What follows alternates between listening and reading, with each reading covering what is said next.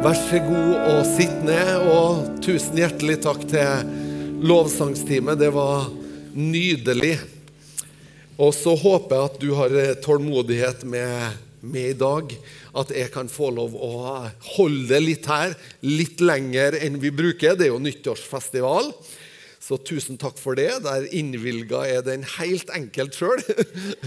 Vi er jo litt vant til at vi er ferdig sånn ca. halv ett, men, eh, men i dag så har vi hatt en god fest så langt, så da kan vi gå litt, litt lengre.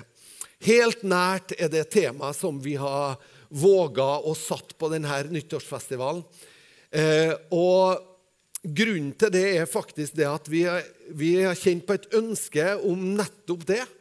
Eh, vi har ikke, Noen gang når man har en festival, så tenker vi ja, men da må vi få tak i den eller den predikanten, og vi må få tak i det navnet, sånn at liksom vi, vi virkelig kan slå litt på stortromma. Eh, men vi kjente på det at vi har bare lyst til å ta det ned. Ta det ned og si at nei, vi ønsker egentlig ikke så mye annet enn at Jesus får lov å komme helt nært på livet vår, i det vi står i, i det det som rører seg i våre liv.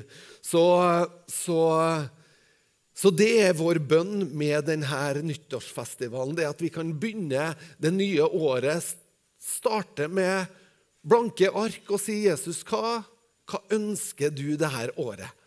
Hva er det du vil ta oss med på dette året? Kanskje det ting jeg i mitt liv trenger å restarte litt. Kanskje jeg trenger en frisk start. Kanskje jeg trenger at Guds nåde ganske enkelt kommer til livet mitt på nytt igjen og berører meg på en ny måte. Kanskje det er nettopp det jeg trenger for å sette et nytt fokus og for å krone dette året, ikke med min herlighet, men med hans sin herlighet. Kan ikke det være ei bønn vi har sammen? At dette skal få lov å berøre oss. Og så vet vi jo det at vi er på mange forskjellige plasser i, i livet vår. Eh, en mann i Bibelen som, eh, som heter Jobb. Eh, han gikk gjennom svært krevende ting i livet sitt. Det er kanskje den mest krevende boka å lese i Bibelen. Det er Jobbs bok. Eh, og Jobb han, eh, han, hadde formeninger om mange ting rundt Gud. Både han og vennene hans de tenkte at vi har vi har skjønt Gud, og vi kan, eh, vi kan eh, på en måte regne ut Han. Men eh, i det siste kapittelet i den boka så kommer Jobb med en ganske sånn eh, nydelig erkjennelse, egentlig. Eh, og, og, han sier i kapittel 42, vers 5.: Bare hva ryktet meldte, hadde jeg hørt om det. Bare det andre hadde sagt, kjente jeg til om Gud. Bare det som hadde blitt meg fortalt, forsto jeg om Gud, Jesus. Bare det andre meldte om det, visste. Og jeg tror det kan være en posisjon vi er i noen gang også, at vi, vi forholder oss til Gud på en måte litt sånn i tredje person, eller han er noe som er litt fjernt for oss. Jesus er, ja, det er en story vi har hørt noe om, men, men det er liksom hva andre har sagt, hvilke erfaringer andre har gjort noen gang, eh, som blir det vi forholder oss til. Men så sier Jobb, da, men nå ser mitt øye deg. Og det er det som på en måte han inviterer oss til. Det er å gjøre oss egne personlige erfaringer. At du med ditt øye kan få lov å se, sånn som Susann fikk se at det var lys i tunnelen. Sånn som Kiran fikk oppleve at på en måte det er noe mer i livet. Og når man på en måte får se det, da blir på en måte det her gudsmøtet det blir på en måte ikke, Da handler ikke det om all staffasjen, da handler ikke det om alle menneskene rundt eller alt som skjer i kirka, men det handler om at den personen som kirka dreier seg om, han har stoppa opp ved meg. Og så kan jeg si nå ser jeg det sjøl. Nå har jeg fått lov å gjøre meg en personlig opplevelse sammen med det. I apostlenes gjerninger Jeg har lyst til å ta det med til en historie i apostlenes gjerninger om noen av de første kristne. Jeg tror vi har noe å lære av de første kristne. Og vi skal, vi skal holde på litt i kapittel 6, og der finner vi en mann som heter Stefanus. Og Stefanus han eh, ble den første martyr. Så han var den første som ga livet sitt eh, for troa, på en måte. Eh, det som er spesielt med historien om Jesus, det er at han kalte jo, Vi er jo kjent med at han kalte tolv apostler. sant? Tolv stykker som skulle være med og, og være liksom hovedvitnene på det han lærte.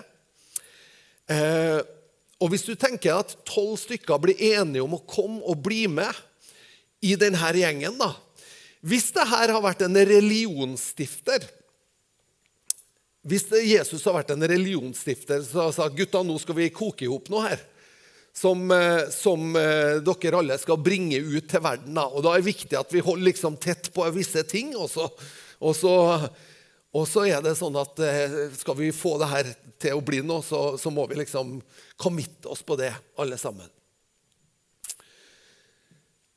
Sannsynligheten for det er svært liten når alle tolv disiplene møter den samme utfordringa, og alle tolv går i døden for det her evangeliet.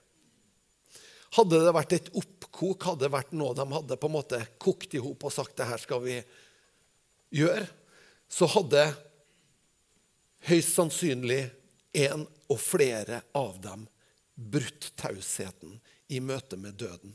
I møte med menneskets største frykt. Men de frykta alle sammen noe helt annet. De frykta alle sammen noe helt annet. De frykta ikke døden, men de frykta å ikke bli regna verdig til det her evangeliet, til det her budskapet. Og når de ble hudstrøket, når de eh, fikk lide ondt for evangeliet sin skyld, så holdt de det for bare glede at de var verdige. Det er en ganske sånn, i hvert fall unorsk tankegang. Og Stefan, Stefanus han var en av dem. Så vi skal møte Stefanus i dag. Han var en av Jesus sine tidlige etterfølgere, og han var også en frivillig medarbeider i kirka i Jerusalem. Eh, og da skal vi, Det er en lang historie om eh, Stefan, Stefanus, så vi skal ikke ta med alt. Men jeg har bare lyst å lese litt noen av de attributtene som det står om Stefanus. For det er noe som tydeligvis preger mange av dem som møtte Jesus. Det var noen likheter med dem som møtte Jesus, som, eh, som også var i Stefanus. Jo, hvis vi begynner i eh, kapittel 6, og skal vi lese i vers 5 først. Hele flokken ga sin tilslutning til dette forslaget. Da hadde de valgt noen som skulle da tjene ved bordene. De valgte Stefanus, en mann full av tro og Den hellige ånd. Jeg synes Det er bra når man skal være noen som skal tjene ved bordene, at man da leiter godt etter noen som er full av tro og av Den hellige ånd. Dette var faktisk noe som prega disiplene og dem som hadde møtt Jesus. Det var at de hadde en tro. De hadde en positiv forventning til det som lå foran dem. Til de utfordringene de møtte, så hadde de en positiv forventning. De hadde tro, og så hadde de også, var de full av Den hellige ånd. Så det er noe som ofte preger mennesker som har kommet helt nært på Jesus. Det er liksom, Du kan prøve å bøye dem ned, men det er noe med toet i dem som gjør at de spretter opp igjen. Fordi at den, det møtet med Jesus gjør også noe med oss, der vi på en måte skjønner det at det her handler ikke bare om meg, men det handler om hvem som har lovt å være med meg, hvem som har lovt å gå sammen med meg. Og så hadde jo en gjeng andre også som ble valgt der. Stefanus, står det i vers 8, som var full av tro og kraft, gjorde store under og tegn iblant folket. Dette var altså en frivillig medarbeider i kirka. Han gjorde store under og tegn iblant folket. Dette er litt sånn spennende, men det var faktisk også noe som prega disiplene rundt Jesus. Det var at de eh, tok på alvor de orda som Jesus sa, for Jesus hadde sagt til dem i eh, Markusevangeliet, det 16. kapittelet Disse tegn skal følge dem som tror. I mitt navn skal de drive ut demoner, de skal tale med nye tunger, de skal ta opp slanger, og hvis de drikker noe dødelig, skal det slett ikke skade dem. De skal legge hendene på de syke, og de skal bli friske. Dette er, noe som er, dette er historier som har fulgt den kristne kirke opp gjennom alle århundrer historier om mirakler, om tegn og under. Helbredelser og ting som har skjedd i det her navnet Jesus Kristus. Så har det her blitt mennesker til hjelp, og det var en naturlig del også av Stefanus sitt liv. Og Det tredje vi leser om Stefanus, det er i vers 10. De var ikke i stand til å stå imot den visdom og den ånd han talte ved. Wow! Så han talte med åpenbaring og med visdom. Og det her passer jo veldig godt, for Jesus hadde jo sagt tidligere til dem hadde han sagt at når de fører dere til synagogen og dommere og myndighetene, så vær ikke bekymret for hvordan dere Eh, hvordan eller hva dere skal forsvare dere med, eller hva dere bør si. For Den hellige ånd skal lære dere i samme stund hva som skal sies. Altså, for en tillit! For en tillit! Den hellige ånd skal gi oss ord. Er det noen av dere som har vært i en situasjon som var litt krevende, og så plutselig så får du litt sånn schwung på ting, og du syns sjøl at du, der svarte jeg godt, ja. Eller, eller, mer sånn Hvor kom det ifra? Det er kanskje enda nydeligere. Hvor kom det ifra? Og det er noe med den tilliten vi har. vet du Han sa til disiplene sine dere må være her i byen til de blir ikledd kraft ifra det høye. Og når de blir ikledd kraft, da skal de være mine vitner. Det er noe mer enn dere sjøl dere spiller med når de går ut med det her budskapet. Og så står det også at eh, i vers 15 står det alle som satt i rådet, de altså, de var jo i utgangspunktet irritert på denne Stefanus. Men det står alle som satt i rådet, festa blikket på han, og de så at ansiktet hans var som en engels ansikt. Hæ? Wow, Kiran. Sant? Det var som en engels ansikt. Når, når Sheila sier at 'du lyser', så er det jo på en måte det er, Og kan det ikke være sånn at det er noe når vi har møtt Jesus? Er det en ny glans over oss? Er det det står at øynene er sjelens speil? står det. Når vi får et møte med Jesus, hva skjer da? Jo, det bør faktisk merkes på oss. Når Jesus kommer helt nær til livet mitt, da ser jeg litt annerledes på min neste. Når jeg veit at jeg sjøl er tilgitt, da er det litt vanskeligere å bli irritert på folk rundt meg. Sant? Det står at 'den som er tilgitt mye, han elsker mye'. Peter Halldorf, som er en del av bønn for Trondheim nå denne uka som eh, ligger bak oss, han sier det fantastisk fint i ei bok som heter 'Drikk dypt av ånden'. Han sier det at eh, det skjer noe med det mennesket som virkelig har møtt Jesus. For det tennes i vedkommendes øyne en kjærlighetsbrann for sin neste. Det er kjennetegnet på at Jesus har kommet helt nært på livet vår. det er at livet vår får et annet fokus. Det får en annen undertone. Det er andre berøringspunkter. Og vi kan også forvente det at når vi har fått et møte med Jesus, da kommer det til å merkes. Jeg vet ikke om du har noen sånne, sånne erfaringer sjøl, om du kjenner noen som virkelig Hva har skjedd med han? Hva skjedde med hun egentlig? Og så er historien sporet tilbake til et enkelt møte med Jesus. Det står en annen plass i Apostlenes gjerninger 4. Da står det om Peter og Johannes. Og det står at de eh, Da de så Peter og Johannes' frimodighet og skjønte at de var mennesker uten utdannelse og opplæring, undret de seg.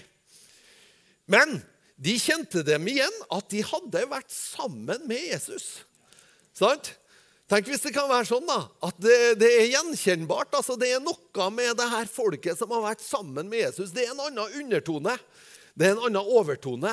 Det er en annen hovedtone med de liva som har vært berørt av Jesus.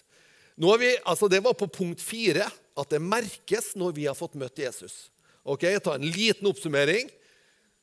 Har vi vært med Jesus, da blir vi full av tro og full av Den hellige ånd. Det var punkt én. Har vi vært med Jesus, da er vi faktisk åpne for å gjøre under og tegn. Her setter vi standarden. si, smil nå og så si noe fint til, til, til noen. Det går bra, det her. sant? Ja. Ok, men det høye forventninger. Gjorde tegn og under. Det er punkt to. Tarte med åpenbaring og visdom. Det er punkt tre. Så vi har forventninger. Og så merkes det punkt fire når vi har fått møte Jesus. Jeg har fortsatt tre punkter. Vil du ha dem, eller skal vi ta og spare dem til Kom igjen? Ja? OK. Eh, og punkt fire, da, da, skal vi lese i, eh, litt lenger ned. Da de hørte dette, stakk det dem dypt i hjertet. Og de skar tenner mot ham. Altså for Det som var da, det var at, nå, nå har jeg ikke gjengitt det, mens Stefanus han hadde en lang tale. altså. Han hadde en kjempelang tale. for han, Det var noen anklager imot ham. Og så, og så på en måte stemmer det her. liksom, Stemmer anklagene. Og så var ikke han liksom på ja og nei. Nei, Han var full av ord, så han preka en lang preken. Han var Moses og Egypt og altså Det var masse altså, altså, Jeg kunne jo hatt et, et, et punkt kunne jo vært liksom eh, Har du møtt Jesus, blir du ikke svar skyldig. kunne jo vært et punkt. Men det var litt det som, eh, som var Men det som jeg har lyst til å ta med som et punkt, det er at de virkelig ønska å ta han. Men har vi møtt Jesus, da ønsker vi også å fortsette å holde blikket festa på han. Samme hva vi møter, så ønsker vi å fortsette å holde blikket festa på han. De skar tenner imot han, men han skua opp mot himmelen, fylt av Den hellige ånd. Han så Guds herlighet og Jesus som sto ved Guds høyre hånd, og sa, Se, jeg ser himmelen åpnet og menneskesønnen stående ved Guds høyre hånd. Da ropte de høyt og holdt seg for ørene og sprang imot ham, alle som én. De drev ham ut av byen og steinet ham. Vitnene la klærne sine ved føttene til en ung mann som het Stefanus. Saulus. Unnskyld. Saulus, Bra, de er våken. Det preger dem som har vært med Jesus, at de er villige til å dø. Det er faktisk noe som preger dem. De er villige til å dø. Den er ganske heftig. Men det er faktisk sånn at det preger dem. Det går igjen i hele historien. Men så er det også noe annet nydelig som går igjen. De steinet Stefanus mens han påkalte Gud og sa, 'Herre Jesus, ta imot min ånd.' så knelte han ned og ropte høyt, 'Herre, tilregn dem ikke denne synden.' Har du vært med Jesus, så er du også villig til å slippe den uretten som gjøres imot deg. Og du er ganske prega av Jesus når du blir steina, og så roper du bare ut, 'Herre, tilgi dem.' Tilgi dem.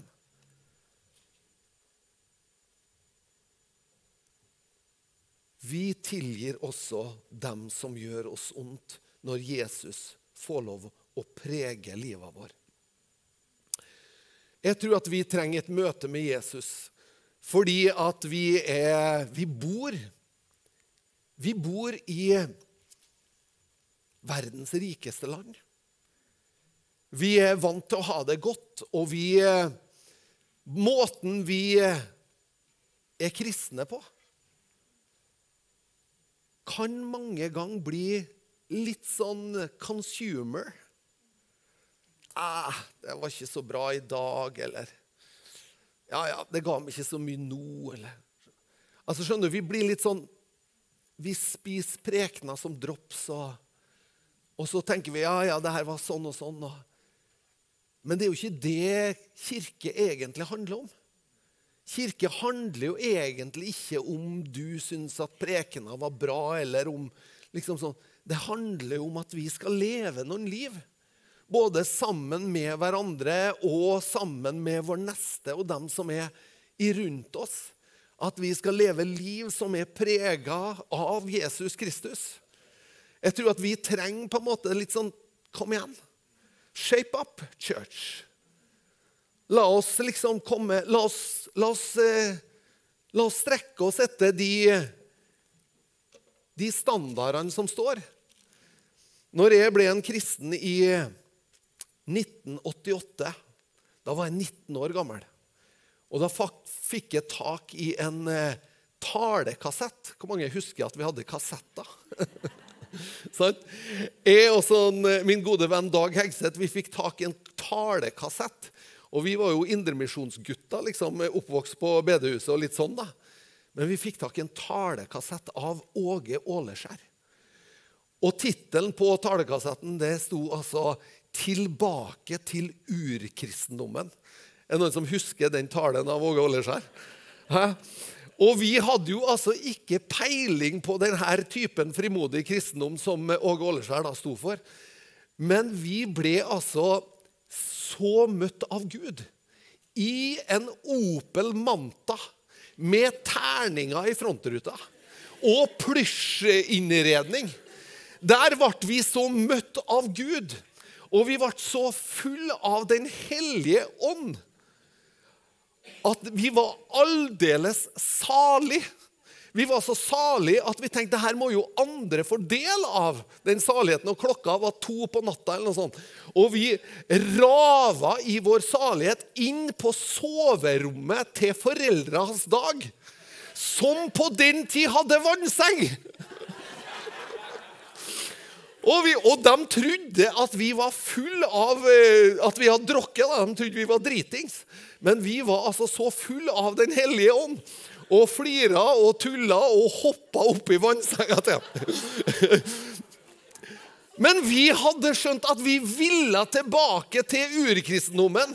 Vi hadde skjønt at vi ville ha tak i noe av det Bibelen snakker om. Vi vil ikke gi oss med liksom bare at det er fine, koselige, trivelige, hyggelige. Nei, vi ønsker å se noe av det boka faktisk snakker om.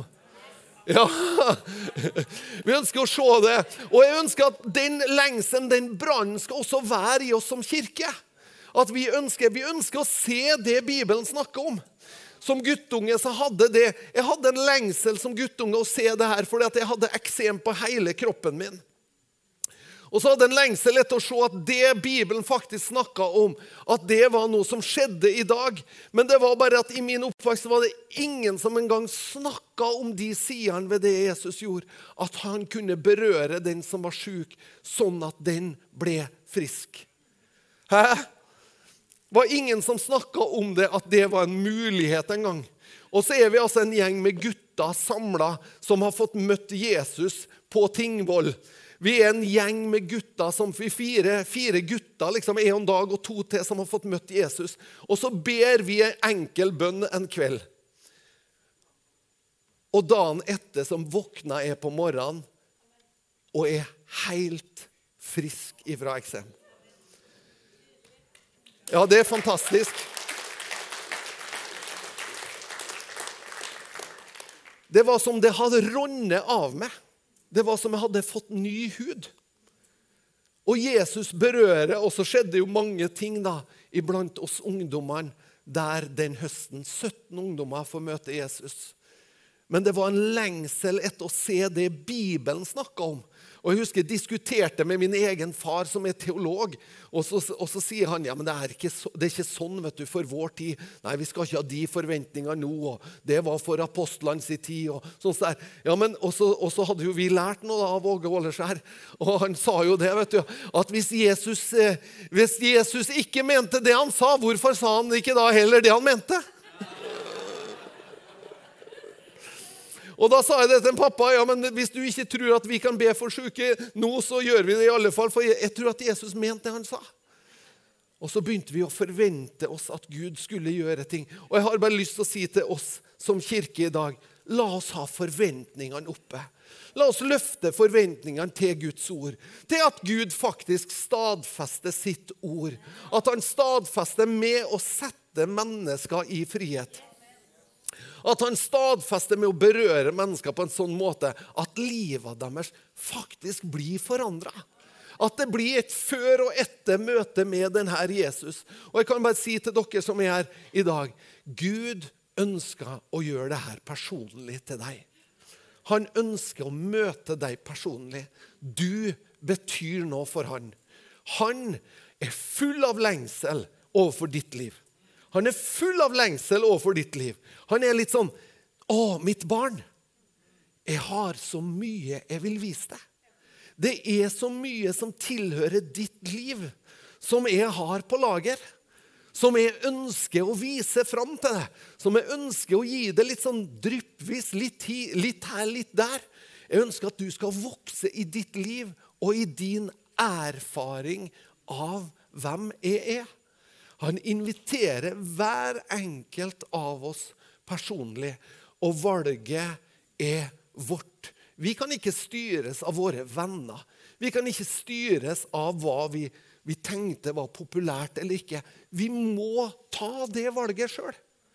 Jeg måtte det som 19-åring. Det, det, meste jeg kjempa med i mine tanker når jeg ble en troende, det var hva skal kompisene si? Det var det største problemet jeg hadde. Hva skal de si? Hvis jeg blir kristen, hva skal de si? Men det måtte bare, jeg måtte bare legge det på hylla og si at du, det betyr ingenting. Det viktigste er at jeg får lov å ta imot det her livet som han har for oss. Jeg har lyst til at vi skal be til slutt. Og så har jeg lyst til å si det at kanskje du er her som aldri har våga å ta det steget i retning av Gud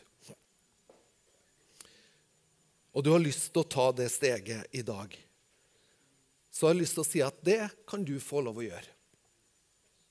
Du kan få lov å ta det steget i dag. Og så kan du få lov å gjøre ei enkel bønn til de, der du ber Gud om å komme inn i livet ditt. Når jeg var 19 år, så ba jeg denne bønna. Gud, hvis du fins, så vil jeg lære å kjenne deg. Jesus, hvis du lever i dag, så trenger jeg deg. Det var den enkle bønna som jeg ba. Nå har vi skrevet ei enkel bønn her også, som vi kan ta del av hele kirka i dag. Og hvis du ber den her for første gang, så gjør den til de personlige bønn. La oss be sammen. Takk, Jesus, for dagen i dag. Jeg ønsker at du skal fylle mitt liv med din fred. Du tar imot meg, og jeg ønsker relasjon med det. Amen. Amen. Hvis du ba denne bønna litt som ditt første sukk til Gud i dag, så ønsker jeg å anbefale at du forteller det til noen. Si det til noen av dine venner eller noen du har fortrolighet til, at du har tatt et steg i den retninga. Og begynn å lese i, i Bibelen. det vil veilede deg til mange ting. Du vil gjøre mange oppdagelser, akkurat som du hørte Susann snakke om her. At det var på en måte i boka hun fant svarene. Og så anbefaler vi også at du finner deg ei kirke. Dette er ei god kirke å være en del av. Kanskje du bor på en annen plass, eller, eller det er mer naturlig å gå i en annen kirke. Men finn deg et fellesskap der du kan få lov å tilhøre. For det her vokser vi i i fellesskap. Takker Herre, for hver enkelt av oss som er her. Takker for din, eh, din agenda med våre liv. At eh, du ønsker å berøre oss på en sånn måte, Herre, at eh, det flyter over. At det strømmer over, at det blir mer enn vi kan beholde for oss sjøl. Og jeg ber om det at vi som kirke også skal få lov å oppleve det, Herre. At du ved din ånd kommer, og så berører du oss, og så møter du oss helt nært sånn at vi kan få lov å oppleve at det livet du legger på innsida av oss, det strømmer over, Herre. Takk, Herre, at du bærer oss gjennom både krevende og vanskelige situasjoner, og at vi får lov å oppleve og erfare din trofasthet i våre liv. Takk, Herre, for at du tar oss med på dine eventyr i Jesu Kristi navn. Amen. Amen. Amen. Amen. Hei, og takk for at du har sett på eh, en tale fra Betel Trondheim. Nå kanskje du sitter igjen med spørsmål og et behov for å snakke med noen. Da er du hjertelig velkommen til å ta kontakt med oss.